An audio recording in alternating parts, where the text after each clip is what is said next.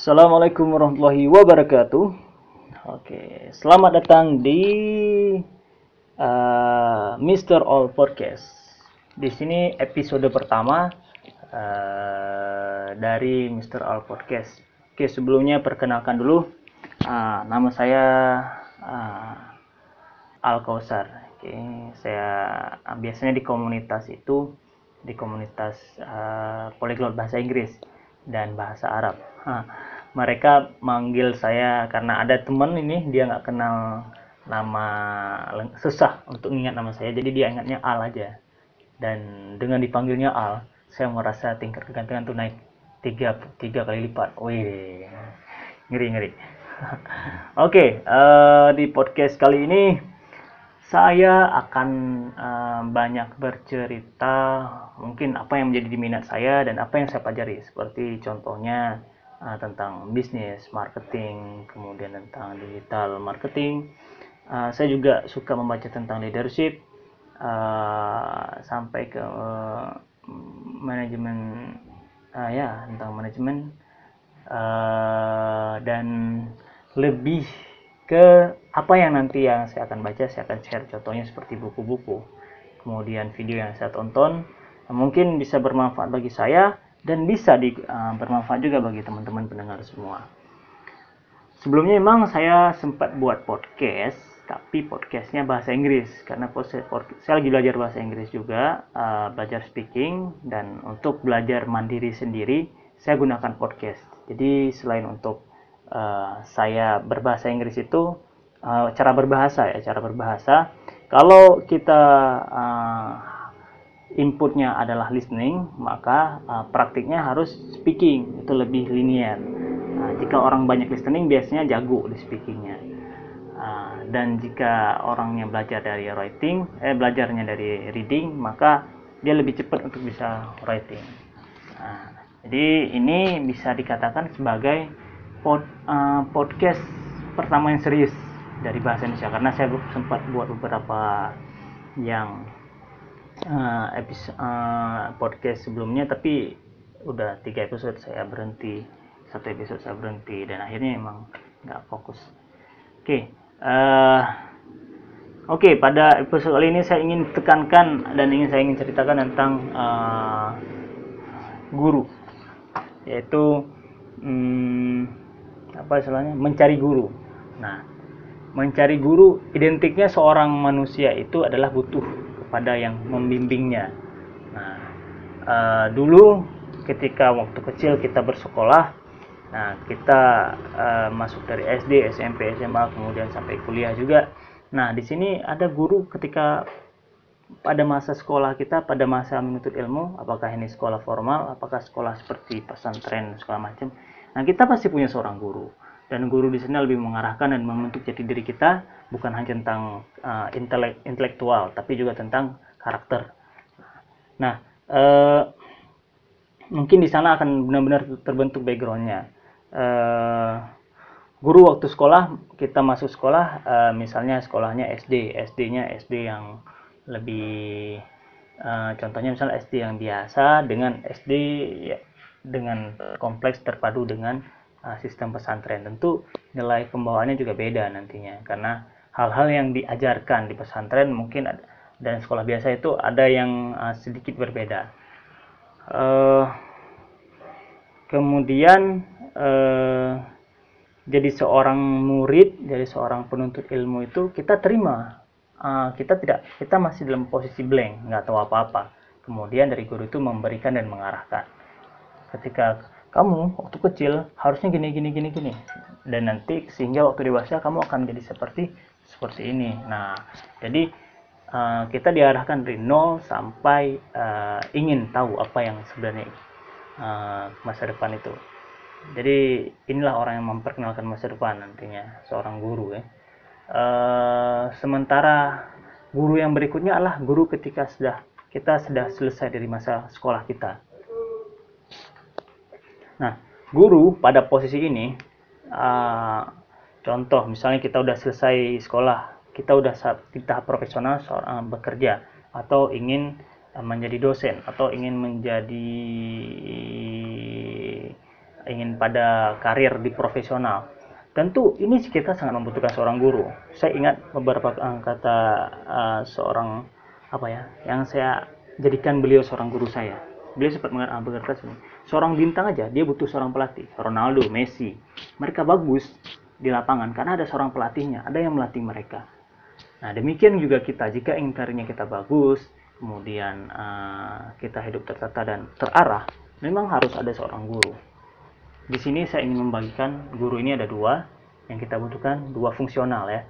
Secara fungsional ada dua. Yang pertama adalah guru.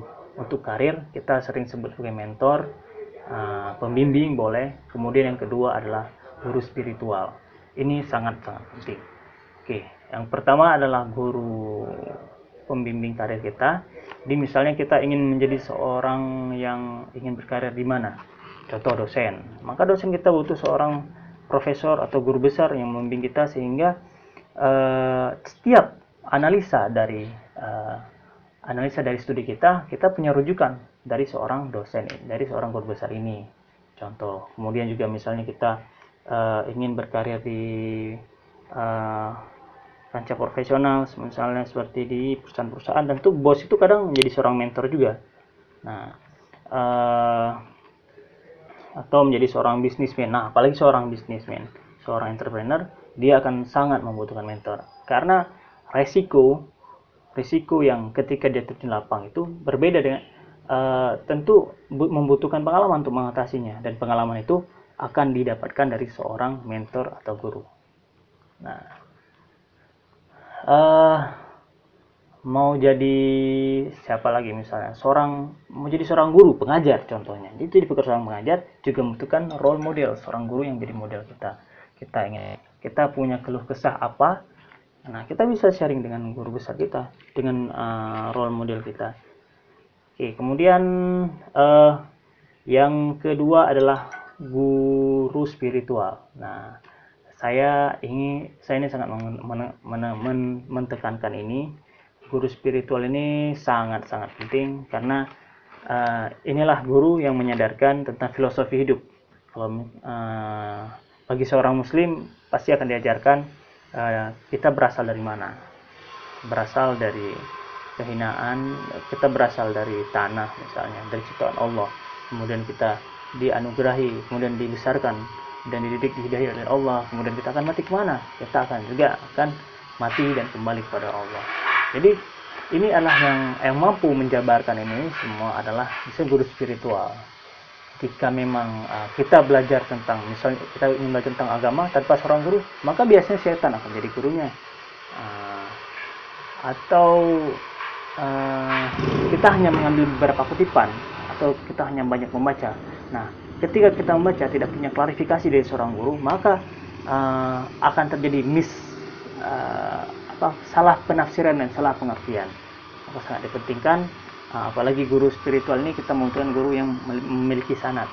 Lebih bagusnya memiliki sanat. Artinya guru ini punya seorang guru lagi. Guru ini mengambil ilmu dari guru di atas di atas di atas hingga sampai pada Rasulullah Shallallahu Alaihi Wasallam nah, penting sangat sangat penting uh, mungkin juga seorang guru spiritual ini akan menjadi spirit ya uh, penyemangat pendorong bagi kita apakah kita bagus dari segi spiritualnya dan juga kepada karirnya. Dan kalau misalnya kita ketemu nih sama seorang guru yang punya dua fungsional ini, guru dia uh, bagus di karirnya ini, kemudian juga bagus di spiritualnya. Wah, subhanallah. Kita dapat emas ini. Dah ya, kalau misalnya uh, makanan itu daging dan nutrisi, full nutrisi. Kemudian uh, yang ingin saya, saya tekankan adalah masalah etika tentang etika kita seorang murid untuk jadi guru. Hmm, saya teringat sebuah uh, pesan ya dari yang dituliskan dalam kitab apa talim talim. Jadi di situ ada, ada seorang murid ketika berguru di sana. Salah satu yang paling penting adalah uh, patuh kepada guru, kemudian taat apa yang disuruh oleh guru kita kerjakan dan uh, bertanya boleh, tapi bertanya dengan uh, realistis, bukan bertanya dengan menguji kewawasan guru, bukan. Uh, dan alangkah lebih baiknya banyak taat itu banyak mengerjakan apa yang disuruh oleh guru. karena begitu kita kerjakan ilmu itu baru nyampe ketika kita kerjakan nah akal kita baru bisa terima ketika kita sudah mempraktekkan ilmu itu. Seringnya seperti itu memang kemudian eh, sabar. Arti sabar begini. Kita punya satu bidang yang sedang kita pelajari. Contoh misalnya terkait uh, kalau misalnya dari real adalah hmm, memahami konsumen. Nah, memahami konsumen tentu uh, itu butuh beberapa waktu, kita butuh beberapa banyak konsumen untuk kita bisa pahami bagaimana perilaku mereka. Uh, dan uh, konsepnya mungkin dikasih sama guru dan kita sulit untuk memahami mereka. Ini adalah butuh kesabaran. Begitu ke dalam mempelajari agama, ini butuh kesabaran. Jangan kita belum ilmu belum bisa langsung kita pindah ke guru yang lain. Itu sangat satu sisi satu sisi kita nggak pernah dapat ilmu keberkahan ilmu yang kita pelajari sebelumnya ilmu yang yang kita pelajari itu tidak tahu manfaatnya di mana ketiga adalah mendapat menyakiti guru. Jadi memang sabar ini kita tuntut sampai akhir. Kita ambil ilmu yang diberikan kita ambil adab yang beliau wariskan. Nah sehingga ilmu itu menjadi keberkah. Berkah artinya gini ilmu itu tidak cuman hmm, kita bisa pada saat kita diajarkan, tapi ketika kita meninggalkan beliau, ilmu itu tetap datang kepada kita. Dan keberkahan itu membawa kepada ketaatan kepada Allah. Kita tahu ujungnya ini kebermanfaatannya untuk uh, mendapatkan keridhaan kepada Allah Subhanahu wa taala. Nah, jadi memang uh, poin kesabaran ini sangat sangat penting. Uh, uh, dan satu sisi lagi uh, sabar ketika memang kita bertemu dengan orang lain uh, guru yang lain lebih hebat. Nah kadangkala sering kita membandingkan wah kayaknya uh, dibimbing sama guru itu lebih bagus dibanding sama yang saya dapat sekarang. Wah itu fatal itu. Karena memang uh, setelah kalau kita agama, belajar agama itu takzim takzim yang satu tuh udah hilang. Keberkahan dan doa dari seorang guru itu hilang. Gara-gara kita suka membandingkan Uh, sehingga yang ada yang masuk di pikiran kita adalah guru ini bagus di ini sini, sementara guru saya ini nggak bagus di sini, sehingga saya mungkin nggak bagus lah sebenarnya. Ilmu itu nggak datang, akhirnya yang datang kita adalah perbandingan, nah, dan perbandingan ini tidak membawa manfaat jika tidak uh, tidak bisa membawa manfaat, karena ya kita cuma bisa analisa tapi nggak bisa praktek, sayang. Dan ketika kita sharing ke yang uh, ilmu akan berasa ketika kita sharing ke yang lain. Nah, uh, ya uh, mungkin segitu aja ya yang saya ingin saya sampaikan. Terima kasih sudah mau mendengarkan. Uh, kesimpulannya adalah carilah guru uh, dan terus belajar uh, dan belajar itu tak, tak pernah mengenal usia. Mungkin saya juga sangat semangat ketika waktu itu di kelas bahasa Arab. Uh, kami uh, belajar udah sampai uh, ada ada seorang peserta baru umurnya 40 40 tahun ya. Dan beliau belajar uh, bahasa Arab itu otodidak selama 2 tahun. You know uh, Arabic is uh, Arabic have difficult grammar. Mereka Arab Arab itu punya grammar yang berbeda dan cenderung susah. Beliau belajar otodidak tanpa seorang guru. Dan ketika beliau ketemu sama klub kami komunitas kami wah rasa terpuas dan rasa senangnya beliau uh, sangat membuat kami ini jadi lebih motivasi untuk belajar lagi. Karena kami masih muda beliau sudah umur 40 tahun. Uh, ini membuat apa sih kadang berkumpul dengan orang-orang yang punya semangat itu menularkan semangat yang baru juga. Oke, terima kasih sudah mendengarkan. Uh, sampai jumpa pada episode selanjutnya uh, mohon doanya semoga konsisten dan saya bisa share dengan informasi-informasi yang bermanfaat. Terima kasih. Wassalamualaikum warahmatullahi wabarakatuh